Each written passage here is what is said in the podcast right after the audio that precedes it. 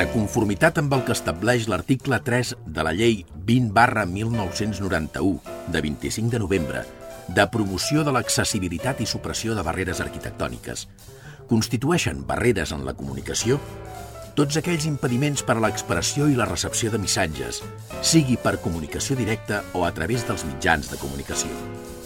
És per això que, emparant-nos en aquesta llei, volem que cada ciutadà gaudeixi del seu propi espai per moure's. Un espai sense censura. Un espai en què vosaltres sigueu els protagonistes. En definitiva, un espai per tothom. Benvinguts a Espai Vital.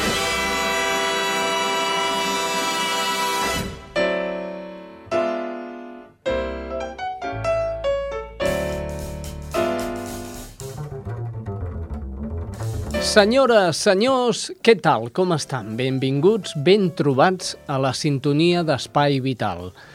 Hola, Teresa. Bon dia a tothom. Hola, bon dia. Ella és la nostra cuinera adaptada i per deferència sempre la saludem amb ella primer. Molt bé, el Jordi Puy, el control tècnic, i un servidor, el Xavi Casas, us faran passar 60 minuts que no us en haureu ni adonat. Senyors, 3, 2, 1, comencem el programa d'avui. Això és Espai Vital. I avui a l'Espai Vital eh, tornem a tenir a una gent molt maca, molt agradable, que, Teresa, tant a tu com a mi ens tenen robats al cor. Ah, sí, l'espai Espadú. Es, Espassur. Ah, Espassur, això jo dic Espadú. Espassur. Ai, per, pobrets, perdoneu. doncs l'espai Espassur, que també han visitat la ràdio i ens han gravat el seu espai. Escolteu-lo. Eh, hola, bon dia. Som un grup d'Espassur que, estem a, que anem a parlar d'un tema que després diran els nois, eh, concretament al programa d'Espai Vital. Eh, quin tema hem preparat per avui? La Navidad. La Navidad. Vale, i què podem parlar? Navidad. I què, i, què, I què feu vosaltres al Nadal? Quines coses? La caba... Hay la cabalgata de los Reyes Magos. Se celebra el día 5 de enero.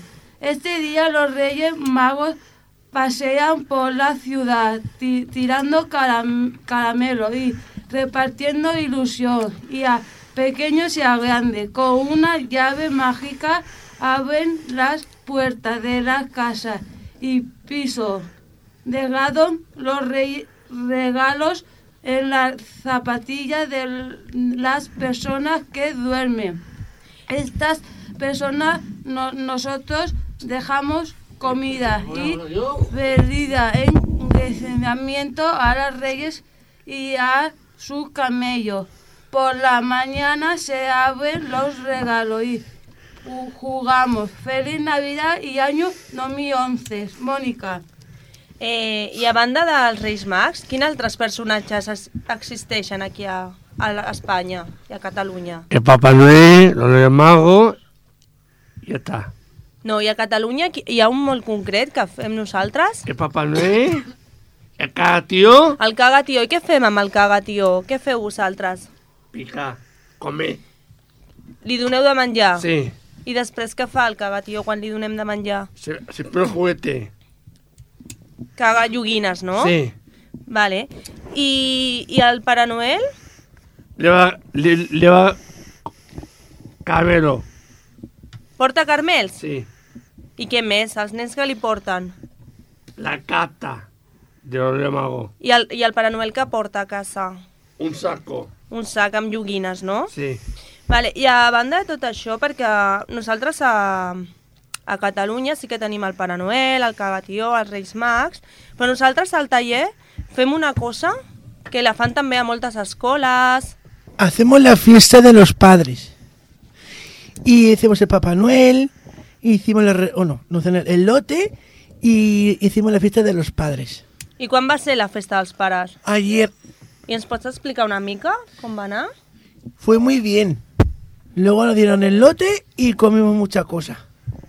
I, i qui us va donar el lot, el lot? Un Papá Noel. Però nosaltres vam fer alguna cosa abans de que vinguessin els pares. Com tenim el taller? Ah, sí. el taller tenemos decorado. Bueno, decorado y mucha, mucha gente y lo pasemos muy bien. Vale, i a banda de tot això, nosaltres al taller què fem? Aquest any no l'hem fet perquè no ens ha donat temps. Amb uns papers... El amigo invisible. Vale, i en què consisteix l'amic invisible? El amigo invisible co- consiste que, que abres una, un- hay un papel que pone un nombre y no lo tienes que decir y tienes que dar el, re- el regalo a la persona. Vale, i aquesta persona com sap el seu regal? Li donem nosaltres directament? No, porque pone ya su nombre. Ah, vale, i la- i la- i l'agafa? Sí. Vale. I parlant d'altres temes, hi ha, a banda d'Espanya, en altres llocs també es celebra el Nadal. Quines coses es celebren en altres països? Acción, a- O en altre- acción de gracia. Sí, però en Espanya, en altres comunitats, a veure el Pedro, que sap concretament. Pues, por ejemplo, en Sevilla, pues también eh, se, se mata el cerdo, eh, se hace mm, mm, em, tortas, se hacen pestiños, se hacen chorizo, morcilla, la, eh, El sopar és igual que el nostre? Ho feu igual, no, a Sevilla? sí. Tot és... Però hi ha una cosa, a cap d'any què passa a Sevilla? Di- diferente porque la gente se disfraza. Eso es lo único que cambia, que, que la gente se disfraza en fin de año. Clar, és diferent d'aquí. ¿Sabes? I ara el Sabino ens explicarà una cosa que nosaltres no tenim, que és diferent al Pare Noel, que es fa a Bilbao. Oi que sí, Sabino? I què Eh. és? Explica-ho. el ranchero, que es un, un, muñeco que lleva un, una boina negra y una camisa azul y un pantalón negro. Y sacó mi, un- mi hermana en el tiempo de Franco que se llama Carmele. Y es un muñeco de madera y se quema y no dejaba Franco. Y, y, y se dan los regalos y es el 24 de diciembre. És com aquí el Pare Noel, no? Sí, I, i en Bilbao es mm, alguna cosa diferent d'aquí o és igual l'altre? Només tenim aquest personatge. es igual. Y también se hace el, el Día de los Reyes, la cabalgata, y se tiran los caramelos. Vale. Llavors podem veure que en tots els llocs a- la, la, el Nadal no es celebra igual. Llavors, fora d'Espanya, Maria, què hi passa? En, En un país concret, què, què es menja? en, en Italia se come lentejas. Es menja El llenties? primer plato. I què més? Perquè nosaltres, quan ve el Nadal, tenim molt de fred, però hi ha altres països Hace calor. a on fa calor. Y se van en manga corta. Van en màniga curta. En quins països van? En América. En Amèrica. I a vosaltres us agradaria passar el Nadal amb màniga curta? No. Pues no. Per què? Porque si no, no hay nieve. Clar, I el Nadal per què es caracteritza? Por la nieve. Porque, porque en Navidades la- lo, lo que importa es, es la nieve. Y lo, que, y lo que gusta es la nieve. Si fuéramos en manga corta no habría nieve. I a banda d'aquests temes, eh, com sabem que ha arribat el Nadal? Per què sabem que ha arribat el Nadal? Porque aparte de que nieva, eh, viene el Papá Noel, vienen los Reyes, se sabe también mm, por los adornos de las calles, que, lo, que ponen todo las calles adornadas. Per què més? Les llums, i què més? Què, què trobem a, al carrer? Las luces, la- villancicos. Com està la gent en aquestes èpoques? Contento. I els nens? Contentísimo. Per què? Com veuen al carrer? Muy bonito. Los juguetes. Vale, i a banda d'això, Ali Alicia, eh, nosaltres eh, dinem igual a... Què fem d'especials a, a casa nostra? Què mengem d'especial? Turrón, mentecaos, pa, Per exemple, un menú de casa teva a Nadal com seria?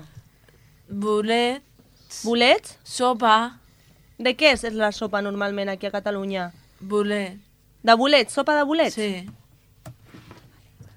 Galet, De galets. I què més? Un... Car... carne, I de postres que tenim normalment? eh, pastel, De postre, piña. Normalment tenim pinya. I Pinya, a banda pinya. dels postres, que són de xocolata i de molts gustos, què tenim? Turó. Chocolate. Turrón de chocolate. Què més? Y, Polvorones, bombones. en Bilbao, Y pasas, ciruelas. Molt bé, passa, cirueles. Què més? Digues, Sabino, que anaves a parlar? eh, compota Ah, en Bilbao es mengen compota, bueno, aquí també. Mengem moltes vegades compota. y flan. I flan. Molt bé. I, I una cosa, perquè nosaltres eh, hem... Bueno, us, us van explicar un joc que es juga molt a Catalunya, en algunes Ah, comunitats, sí. i, i el vam crear nosaltres. Quin joc vam crear nosaltres que vam jugar? el quinto, Vam crear un quinto. I com ho vam fer? Expliqueu-li per si algú el vol fer, que el pugui fer, perquè nosaltres el vam crear i és molt fàcil de fer. Què vam fer? hemos creado un quinto propio Aspasur. Primero decidimos hacer hasta el número 25 y a, y a cada uno otorgamos un significado. El significado lo hemos escrito en una cartulina en gran en grande para recordar. Por O sea, ejemplo, explicamos, eh, mm, hicimos un número del 1 al 25, le habéis puesto a cada uno un significado. sí, Vale, porque es un, un quinto propio, no es como el que hace la gente. sí. Por ejemplo, el número uno es el más pequeño. El número 6 son los Reyes Magos. Creamos nuestro propio cartón. Y la ficha para sacar las bolsas. Para jugar una saca la fecha y de la bolsa y los demás van marcada, marcado. Número que sale a quien completa todo el cartón, dice el quinto. Y ha ganado. Eh, bueno, chicos, nos vamos a ir despidiendo. Deseamos a todos unas felices Unas fiestas. Felicitas. año Pero nuevo. año. Os vamos a dedicar un villancico. Campana sobre campana. Campana y sobre campana una a sobre terra tana. Y el niño en la cuna Belén, campana de Belén que los ángeles salgan que no iban a caer. Campana sobre campana Y sobre campana una, asómate a la ventana, verás al niño en la cuna. Realment impressionant, Avui impressionant, eh? Plourà. Aquesta tarda plou neva. Eh, Ens hem afegit als nois d'Espassur que avui han cantat una Nadala realment increïble. Això és inèdit al món de la ràdio. Cantar Nadales aquí, A capella. a capella i, i, i a por todas. Eh? No, no, aquí tens por. Eh, I el dir... Con alegria. I la persona que pensi que cantem malament, que vingui i can, que, que, que, que, Que canti ella. Ah, Sí, senyor. mateix. Molt bé, doncs uh, ara mateix el que farem és passar de, de l'alegria de cantar a el nostre capítol de Desaparecida, una vida rota por la sensibilitat química múltiple.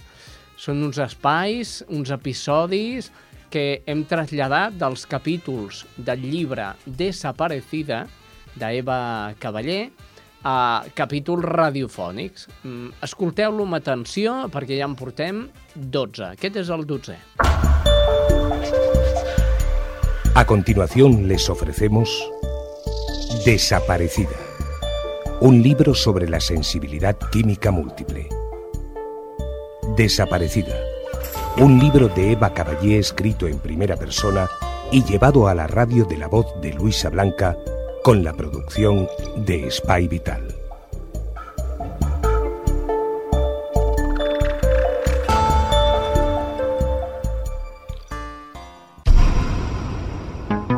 Los médicos que primero empezaron buscando síndrome de fatiga crónica y luego mastocitosis finalmente se cansaron de mí.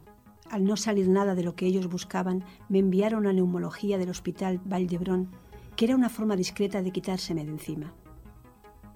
Mi sorpresa fue que me dieron hora para neumología para pasados seis meses. Era una aberración. Yo seguía igual de enferma. Ya había pasado un año y medio desde que todo empezó y ahora querían que esperara medio año más sentada tranquilamente en mi sofá mientras mi vida se consumía lentamente. Fue entonces cuando recibí por segunda vez citación para el ICAM. La primera fue al año de baja, pues ya me querían dar el alta por no tener diagnóstico. Pero como allí mismo tuve una crisis tan fuerte que me asfixié y mi piel se llenó de manchas rojas, sumado a que me acababan de hacer la biopsia y estábamos pendientes de los resultados, decidieron darme seis meses más. Eso sí, diciéndome a ver si salía ya el diagnóstico. Me ponían en tratamiento y volví a trabajar. ¿De verdad piensan que una persona cambia gustosamente su vida por quedarse cerrada en casa sin poder hacer nada? Yo tenía un trabajo que me apasionaba. Incluso los compañeros y los jefes me gustaban, lo cual no es muy habitual. Lo último que quería era perder ese trabajo fantástico, donde estaba a cargo de un nuevo proyecto apasionante en el que me habían implicado totalmente. Se había acabado el año y medio que puedes estar de baja y ahora tocaba valorar si tenía una incapacidad. Fui al ICAM y le expliqué al médico mi situación, que ahora me habían derivado a otro hospital, pero que no me daban hora de visita hasta pasados seis meses. Hasta le pregunté, inocente de mí, si ellos podían hacer algo para acelerar el proceso. En sus ojos vi que no me creía. Era demasiado condescendiente. A los pocos días recibí la carta con el alta médica para incorporarme inmediatamente al trabajo. No me lo podía creer. Como diagnóstico pusieron alergias a múltiples alimentos y medicamentos y urticaria crónica, que no daban derecho ninguno a grado de incapacidad. Me indigné muchísimo, porque yo tenía esas alergias desde antes de empezar mi vida laboral y había trabajado más de 10 años sin pedir ni una sola baja por mis alergias. El cinismo llegaba a tal extremo que ahora me diagnosticaban lo que sabía que tenía desde los 16 años. Analizando la situación vi que tenía el alta y no podía trabajar. De hecho, ni me valía por mí misma, porque nunca he podido volver a cocinar o a limpiar la casa desde que enfermé. No tenía diagnóstico y me habían dejado totalmente colgada. Aún no habíamos vendido nuestro piso y estábamos pagando hipoteca y alquiler a la vez, y nuestros ingresos se verían reducidos a la mitad. La sensación de culpabilidad e impotencia que ya hacía tiempo que tenía llegó a un límite insospechado.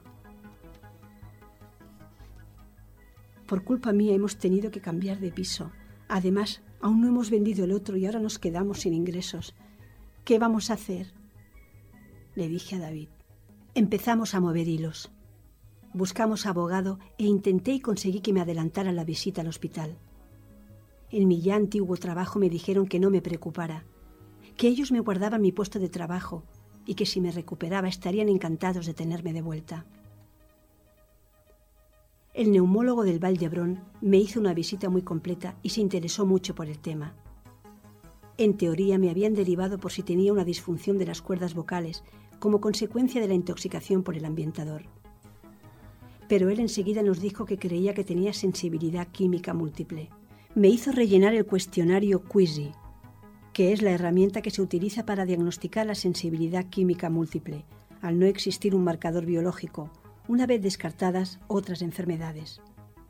Él mismo nos dijo que esta enfermedad no sabía casi nada, que tenía cuestionario porque cada vez veía más casos, pero que no era su especialidad. El problema fue que quería descartar otras patologías a nivel pulmonar, según palabras suyas, para quedarse tranquilo. aunque tenía claro que el tema iba por allí. Quería ingresarme tres días y hacerme un test de metacolina para descartar que fuera asmática y unas pruebas de provocación para descartar el problema de cuerdas vocales. Debía inhalar productos químicos mientras me hacían una endoscopia para ver si mis cuerdas vocales se cerraban. Lo estuve pensando y decidí no dejarme ingresar.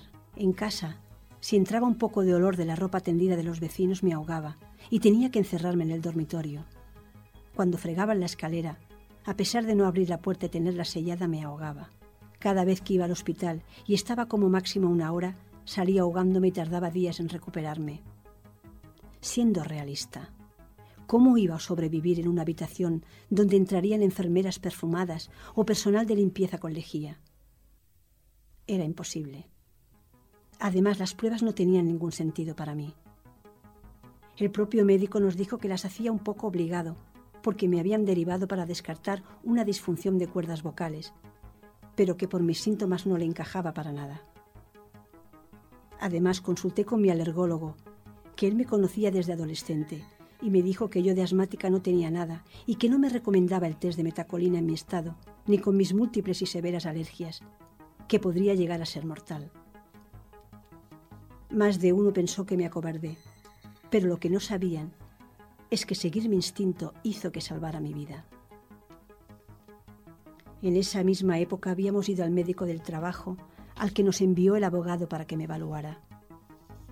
Eso era necesario en visitas a la demanda judicial que íbamos a presentar contra la Seguridad Social. El médico visitaba en una conocida clínica privada de Barcelona, donde nada más entrar me puse fatal por el ambientador que impregnaba todo el edificio. La visita resultó mucho más provechosa de lo que yo me había imaginado. Él nos dijo que pensaba que tenía sensibilidad química múltiple y síndrome de fatiga crónica, porque había visto ya muchos casos. Nos recomendó ir a un especialista en estas patologías que visitaba en un anexo de la misma clínica para que me diagnosticara. Luego supe que había comentado que estaba muy enferma, que era un caso muy grave. Fuimos a ese médico pero el resultado no fue demasiado fructuoso. Otra vez tuve que soportar el machismo y las insinuaciones que te hacen repetidamente por el simple hecho de ser mujer. ¿Cómo es la vida sexual con tu marido? Me preguntó al poco rato de estar hablando sin venir a cuento. Ahora es inexistente. Si necesito ayuda hasta para llevar mi bolso. Obviamente no tengo fuerzas para el sexo. Pero cuando estaba sana era perfecta. Mejor imposible. Le contesté mordiéndome la lengua para no mandarlo a paseo. Él miró a David con cara de incredulidad, pero tuvo que tragarse su teoría al ver su media sonrisa y la mirada cómplice con la que nos mirábamos. También insistió mucho con el tema del alcohol.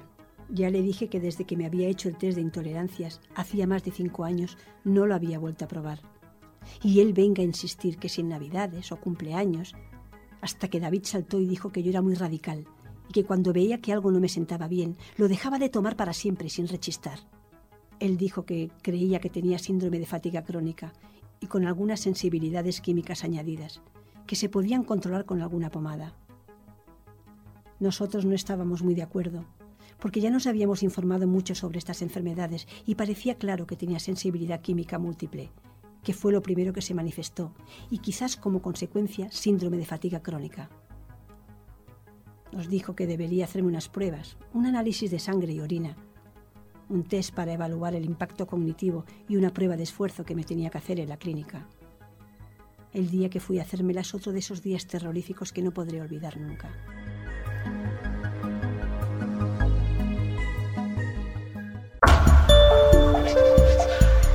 Y hasta aquí, Desaparecida, un libro sobre la sensibilidad química múltiple. Desaparecida. Un libro de Eva Caballé escrito en primera persona y llevado a la radio de la voz de Luisa Blanca con la producción de Spy Vital. Desaparecida. Un libro de la editorial El Viejo Topo.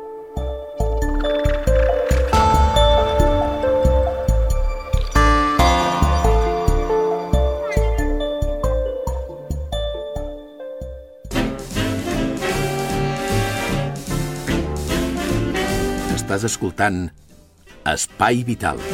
I des de Cerdanyola, Ripollet, Montcada, Barberà, Santa Perpètua i Sabadell. Teresa, què volies dir? Pues donar les gràcies a l'Ajuntament de Ripollet per arreglar aquella rampa que hi havia un bordillo per anar a l'església, que jo tenia de fer un gesto amb la cadira, pues donar les gràcies que ho han arreglat. Molt bé, doncs quedin donades les gràcies i ara mateix anem a escoltar l'entrevista que ens porta la Mònica González des de Cerdanyola Ràdio parlant de l'amiant i del col·lectiu Ronda. Estan a punt de presentar una altra sentència.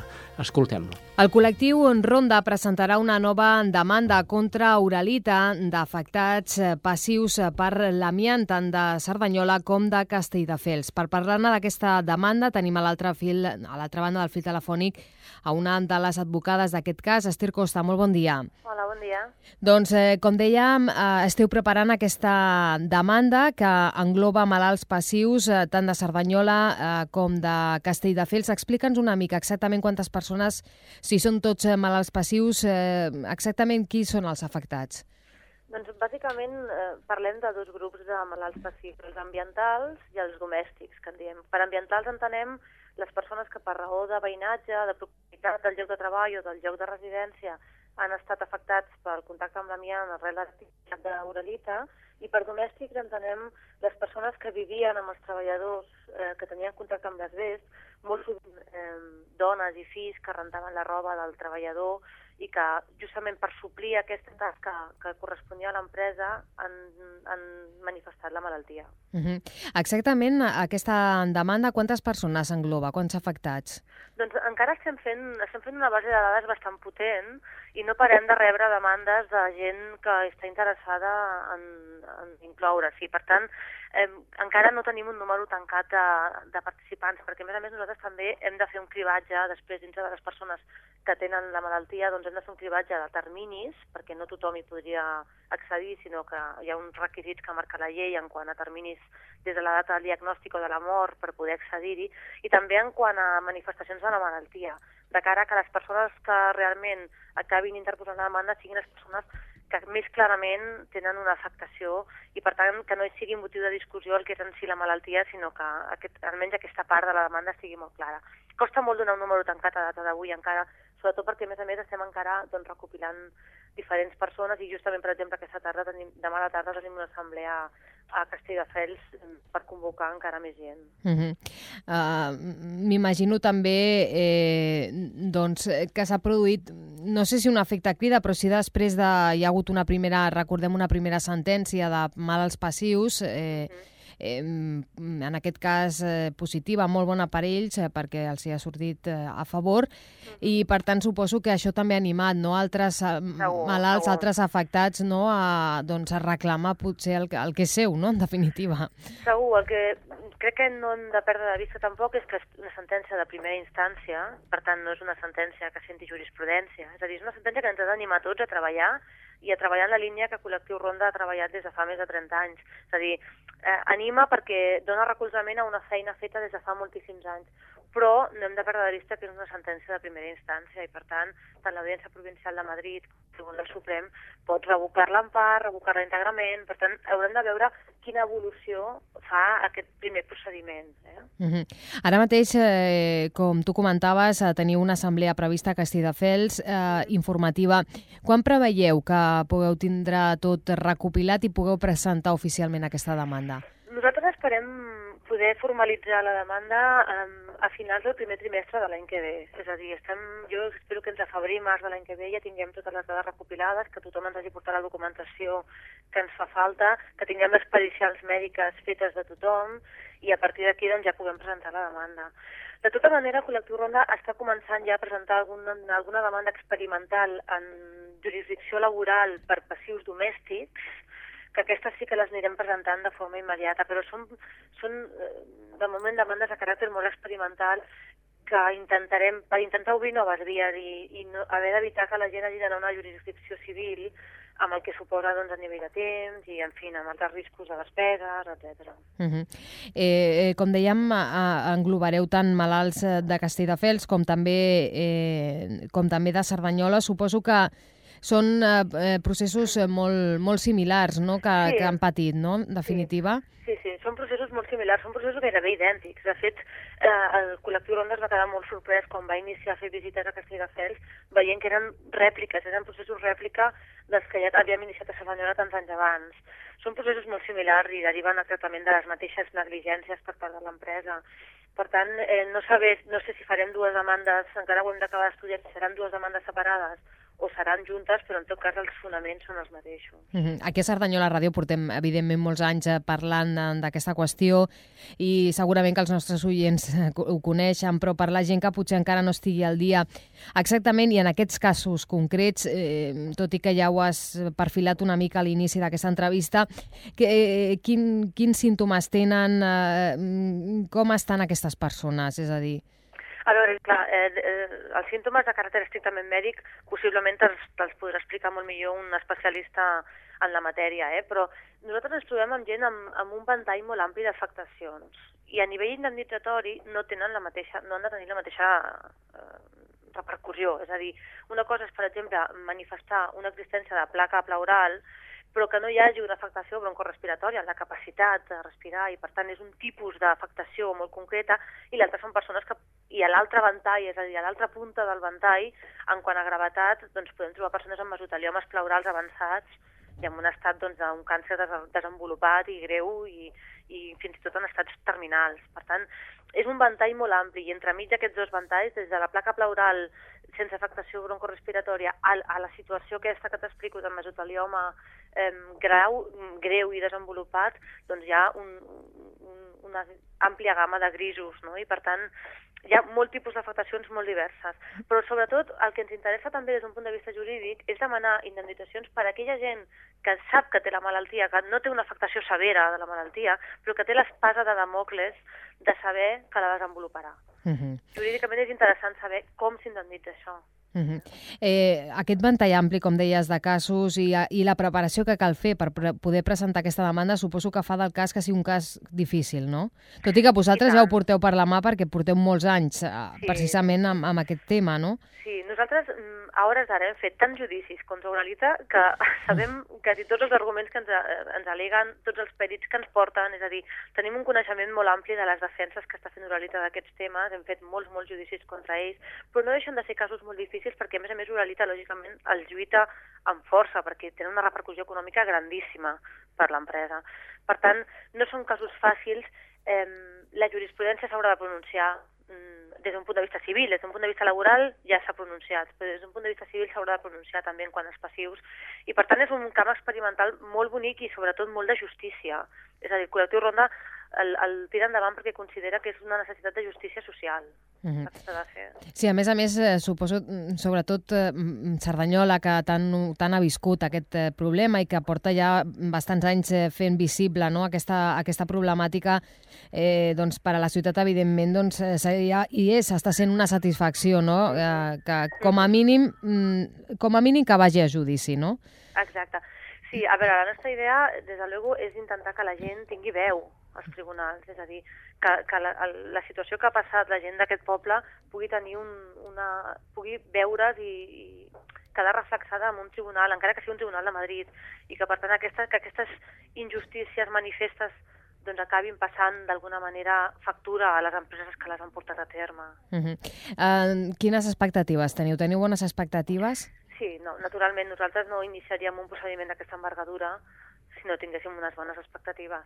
No, des de luego, garanties eh, absolutes no es poden donar mai en un tribunal, mai. I per tant no és aquest l'esperit, però l'esperit és que el, els, el col·lectiu Ronda ho ha estudiat, ho ha estudiat a fons i creu que realment aquí hi ha acció i hi ha camp per córrer i per això animem a la gent que, tingui, que estigui afectada doncs, a que es posi en contacte de cara a poder fer la demanda més àmplia possible perquè d'aquesta manera també podem reflexar al jutge fins a quin punt hi ha tota una població afectada per una situació d'aquest tipus. Uh -huh.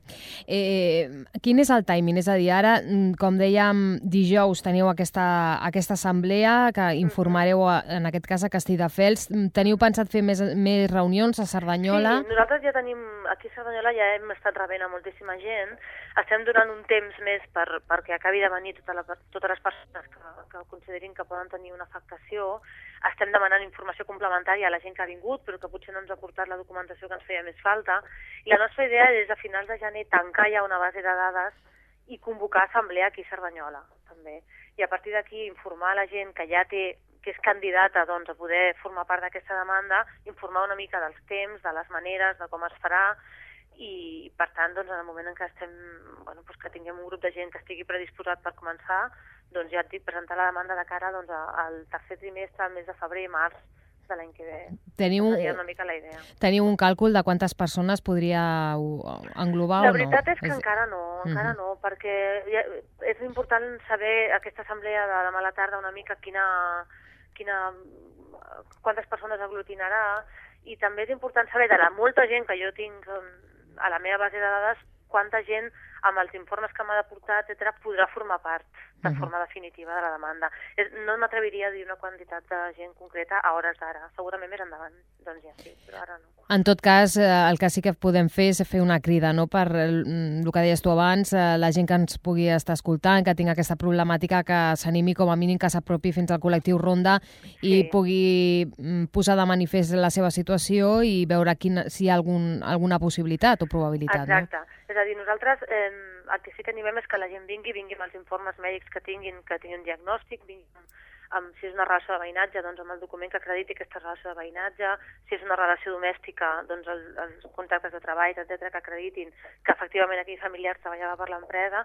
Nosaltres eh, els rebrem de forma absolutament gratuïta i valor- valorarem si poden formar part o no d'aquest col·lectiu de persones eh, que han d'interposar la demanda en un futur. Uh -huh. Per tant, jo crec que el, el, el, el cost personal és mínim, és l'esforç de venir i de parlar-ne, i en canvi el benefici per tots, per tots, per tota la població, doncs pot ser gran.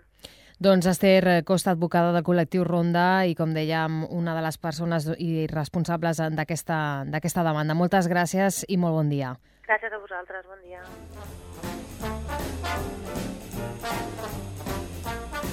Això és Espai Vital. I ara Espai Vital el que vol fer és una roda informativa d'aquelles per enterar-nos a què passa a les diferents poblacions en quant a sanitat. Comencem amb Cerdanyola. Allà es troba la... la, la què? La què? La què? La Mònica. La Mònica González. Escoltem-la. Molt bon dia, Xavi, des de Cerdanyola Ràdio. Els beneficis de l'alimentació crua per a la salut han estat desglossats a Cerdanyola durant la presentació a l'Ateneu del llibre La cocina cruda creativa de Mercè Passola. En el llibre s'explica les bases de la cuina sense foc. Es mostra com preparar els productes en cru per a gran varietat d'ocasions. També s'ensenyen tècniques culinàries i de manipulació dels aliments. A més, s'indiquen tècniques per aconseguir aliments amb aspecte de cuits, com ara la maceració, la fermentació o la deshidratació. Mercè Passola explica que el menjar cru aporta molts beneficis a la salut perquè, segons assegura, a partir dels 40 graus es destrueixen els enzims, grans activadors del metabolisme i molts minerals. A més, Passola afirma que també es perd l'electromagnetisme del propi aliment quan es cuina i que una de les fonts més importants de líquid és l'alimentació crua. Mercè Passola, crudívora des de fa 16 anys, afirma que una de les aportacions del llibre per a les persones que no volen deixar de menjar cuinats és que també recull un seguit de receptes que van més enllà de les típiques amanides. Així, comenta que es poden preparar cremes, sopes, salses, pans, sucs i batuts i plats dolços. Mercè Passola explica que en aquest tipus de cuina s'utilitzen molt les algues, els bolets, les herbes aromàtiques i diferents tipus d'endolcidors naturals. L'autora porta més de tres dècades investigant els beneficis de l'alimentació, una passió que va néixer de la necessitat de crear menús saludables per a la seva família. I això és tot en des de Cerdanyola Ràdio. Que passeu molt bones festes. Gràcies, Gràcies. Mònica González. Eh, precisament, eh, de menjar hauríem de parlar. Deixem que la Teresa parli. Amb qui anem ara? Ara amb la Laia Prat de Ripollet. Prats de Ripollet. Hola, Xavi. Avui des de Ripollet expliquem que l'entitat Ripollet Costums i Tradicions, com cada any, organitza amb la col·laboració del Patronat Municipal de Cultura la cavalcada de Reis de Ripollet i la tradicional recollida de cartes dels nens i nenes del municipi. Amb guany, com des de fa uns anys, ha adquirit els caramels de la cavalcada sense gluten perquè cap nen es quedi sense un caramel. En total, enguany es repartiran un total de 1.800 quilos. La malaltia celíaca és una intolerància al gluten de caràcter permanent que provoca en individus genèticament predisposats una atròfia de les vellositats del budell prim, afectant la seva capacitat per absorbir els nutrients dels aliments. El gluten és una proteïna present en els cereals blat, ordi, sègol, cibada i els seus derivats. Qualsevol aliment a base d'aquests cereals s'ha d'excloure totalment de la dieta del celíac, evitant també els caramels i les llaminadures que ho contenen. I des de Ripollet Ràdio aprofitem l'ocasió per desitjar a tots els oients de l'Espai Vital unes bones festes i un feliç any nou. Doncs gràcies, Laia Prats. I ara el que toca és anar a Montcada. La Sílvia Díaz. Som-hi. Hola, salutacions des de Montcada, l'Espai Vital. La darrera crònica del 2010 que us enviem des de Montcada i Reixac fa referència a l'Associació de Discapacitats Adimir, amb motiu del Dia Mundial a favor de les persones d'aquest col·lectiu que s'ha celebrat a principi d'aquest mes de desembre. L'entitat presentarà al ple d'aquest mes, el dia 23, una moció a favor de les polítiques inclusives a nivell local cap a aquest col·lectiu. L'associació sol·licita un compromís per part de tots els grups municipals per dur a terme accions concretes en diferents àmbits. En el que és eh, la secció educativa, Adimir demana que es garanteixi l'escolaritat dels infants amb necessitats educatives especials als centres de primària i secundària del municipi i que s'afavoreixi la seva inclusió en els programes de transició al treball. En l'àmbit de l'ocupació, la moció proposa que es creïn places de treball per a discapacitats dins de l'administració local en seguiment de la llei d'integració social de minusvàlids. D'altra banda, Adimir i altres quatre associacions dels àmbits socials i benèfics han rebut recentment una subvenció de l'obra social de la Caixa. L'ens bancari ha lliurat un total de 18.000 euros a aquesta entitat i també a Síndrome de Red Catalunya, l'Associació de Famílies de Malalts Mentals Semoriva, la Delegació Local d'Aldees Infantiles i la llar residència Jesús Ferrés del grup Catalònia. Doncs bé, això és tot per avui. Des de Montcada i Reixac us desitgem un bon Nadal i un feliç 2011. Fins l'any vinent. Doncs molt bé, gràcies Sílvia Díaz. El mateix et, et desitgem a tu. A tu, sí, a tota la colla. Anem cap a Santa Perpètua. L'Estrella Núñez. Hola Xavi, hola amics i amigues de l'Espai Vital. Els usuaris del casal d'avis de la plaça de la Vila tornen a omplir les seves dependències després de les obres de remodelació executades en l'edifici. Els treballs al casal d'avis han consistit en la rehabilitació de les façanes, cobertes i l'estructura, així com en adaptar els lavabos, eliminar les barreres arquitectòniques i la instal·lació d'un ascensor que comunica els dos edificis i també dona accés a la segona planta de l'edifici central del casal d'avis. L'empresa Sareda ha executat el projecte amb un pressupost de 600.000 euros que ha finançat a través través del Fons Estatal per a l'Ocupació i la Sostenibilitat Local. Mentre han durat les obres, les oficines de la Junta del Casal d'Avis s'han traslladat al Centre Cívic al Vapor i al bar a l'antic casino del carrer de Prat de la Riba, però ara ja tot torna a la seva habitual eh, ubicació. Des de l'Ajuntament, des de la Regidoria de Benestar Social, s'assegura que els usuaris del casal d'avis estan satisfets pel resultat de les obres de rehabilitació fetes. Així ho van poder fer amb una jornada de portes obertes realitzada fa uns dies per visitar el casal d'avis abans d'entrar ja novament a ocupar aquest equipament. Els treballs de reforma es van iniciar el mes d'abril i s'han perllongat fins a principis d'aquest mes de desembre. La regidoria d'Urbanisme ha informat que l'Ajuntament té intenció d'inaugurar les reformes del casal d'avis en un acte que tindrà lloc el 22 de gener. De moment això és tot. Nosaltres retornarem com la resta dels companys de l'Espai Vital, però serà ja l'any vinent, el 2011. Que tingueu una molt bona entrada d'any. Molt bé, gràcies, Gràcies, Estrella. Sí, senyor. Bona festa. Bones festes. Bones festes. Molt bé, anem corrent, corrent, perquè el Jordi ens apreta ja cap a Sabadell. La Karen Madrid ens farà la crònica. Salutacions des de Sabadell. Avui us parlem d'una nova iniciativa per integrar les persones amb discapacitats intel·lectuals al món laboral. L'associació Andy ha creat una empresa simulada de recollida de taps de suro als diferents bars i restaurants de Sabadell per tal d'instruir una dotzena de joves discapacitats, la majoria amb síndrome de Down. Tots ells s'encarregaran de classificar aquests taps i portar-los a una planta de reciclatge de suro de Granollers, aprenent durant tot aquest procés les responsabilitats que suposa tenir una feina. De moment, la majoria d'establiments del Gremi d'Hostalària de Sabadell i Comarca s'han adherit a aquesta iniciativa, que ha rebut una subvenció d'11.000 euros de l'obra social d'UNIM. És tot des de Sabadell. Estàs escoltant Espai Vital. I de totes i cada una de les ràdios que ens escolteu o que ens retransmeteu a través de la vostra sintonia. Bon Nadal a tothom. Bones A tothom. festes. Festes. Ara toca el menjar. El menjar que ens portes, Teresa? Mira, a veure si tot de temps. Farem una sarsuela de peix. Sarsuela de peix. De peix. I si tot de temps, amb sopa belluguesa. Doncs vinga, anem per la sarsuela, que encara farem tard. Amb la sarsuela, doncs mira, eh, agafem, doncs mira, jo te donaré per quatre persones, ara cadascú que agafi els talls que vulgui. Molt bé. Quatre talls de lluç, quatre de rap i quatre de llenguado. Ahà. Quatre gambes, quatre llagostins i quatre escamarlans. Ahà. Després agafem 250 grams de rotllanes de calamars, d'aquelles congelades que ja hi han tallat, 250 grams. Sí. Agafem mig quilo de musclos, Ahà. un quart de quilo de cruïses. I després agafem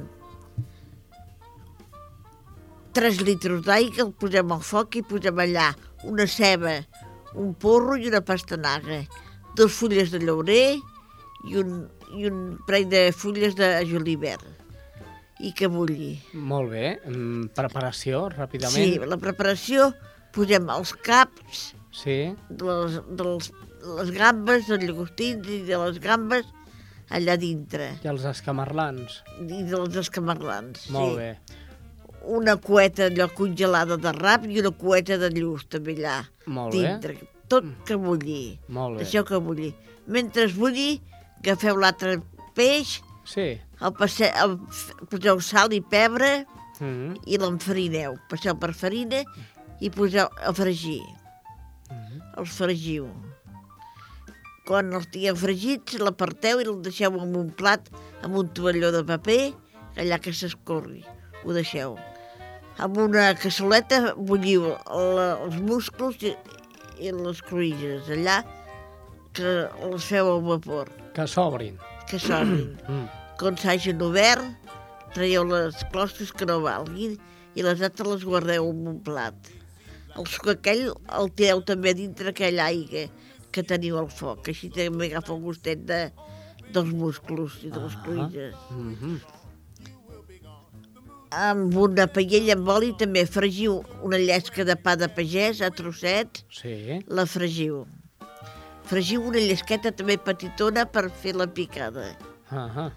que per la picada necessiteu la llesqueta de pa, les ametlles, avellanes i, un, i dos dents d'all i un paperet de safrà. Mm -hmm. Que fem un pot amb aigua que tinguem calenta de la que tenim al foc, per anar al mini pimer i posem les ametlles, les avellanes, els alls i el pa fregit. I ho passem pel túrmix Mm -hmm. i a la, bueno, i a la, a la paella hi posem oli i fregim. Allà on hem fregit el... no me'n recordava. El peix, sí. El peix i fregim la ceba Mhm. i el tomàquet. Ahà. Com hagin fregit i tenim aquest, aquest d'això que hem batut, sí. ho tirem allà, que faig el xup-xup. Molt bé. I tirem un safrà, Mm com hagi ja que estigui bé, tot aquest suc ho tirem a dintre l'olla, que tenim aquella aigua d'això, i ja estarà. Han acabat per presentar la taula, cadascú poseu el tall que us de, un tallet de, per cada un, Sí. i les gambes, tot aquest d'això, i les cruïses igual, en el plat. I no us oblideu d'obrir una bona ampolla de vi. Blanc. Eh? Escolta, escolta les campanes. Eh? Perquè són les campanes De Nadal. De, de la Nadala, del Nadal. Senyors, gràcies a tots. Marxem, però desitjant-vos un bon Nadal a tothom. I començament d'any. I que els Reis us portin grans coses. A tu, Jordi, que et portin un hipot. A tu, Teresa, que et portin una cadira nova. No, ja dic, una tele. Una tele, vale. D'aquestes planes. I a mi que em portin el que vulguin, que jo em conformo qualsevol Però cosa. ara, si no la volen portar, és igual, ja, ja passo amb la vella que tinc. Senyors, bones festes, bon Nadal i fins al proper gener. No s'oblidin que nosaltres tornarem, eh? Vostès fagin el mateix. I love those J-I-N-G-L-E bells. Up goes holiday J-I-N-G-L-E bells. Up goes happy J-I-N-G-L-E B-E-double-L-S. I love those J-I-N-G-L-E bells. Jingle bells, jingle bells, jingle all the way. Oh, what fun it is to ride in a one-horse open sleigh. Jingle bells, jingle bells, jingle all the way. Oh, what fun it is to ride in a one horse open sleigh. Dashing through the snow Doodle. in a one horse open sleigh. Today, O'er the fields we go, Doodle. laughing all the way. today, bells on bobtail ring, making our spirits bright. What fun it is to ride sing a sleighing song tonight.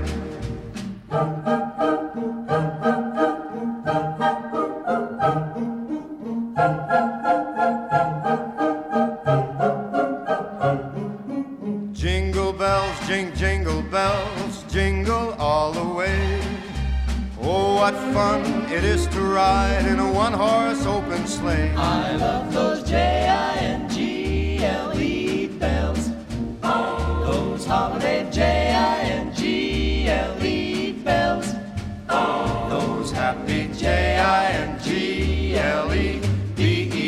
double I love those jingles.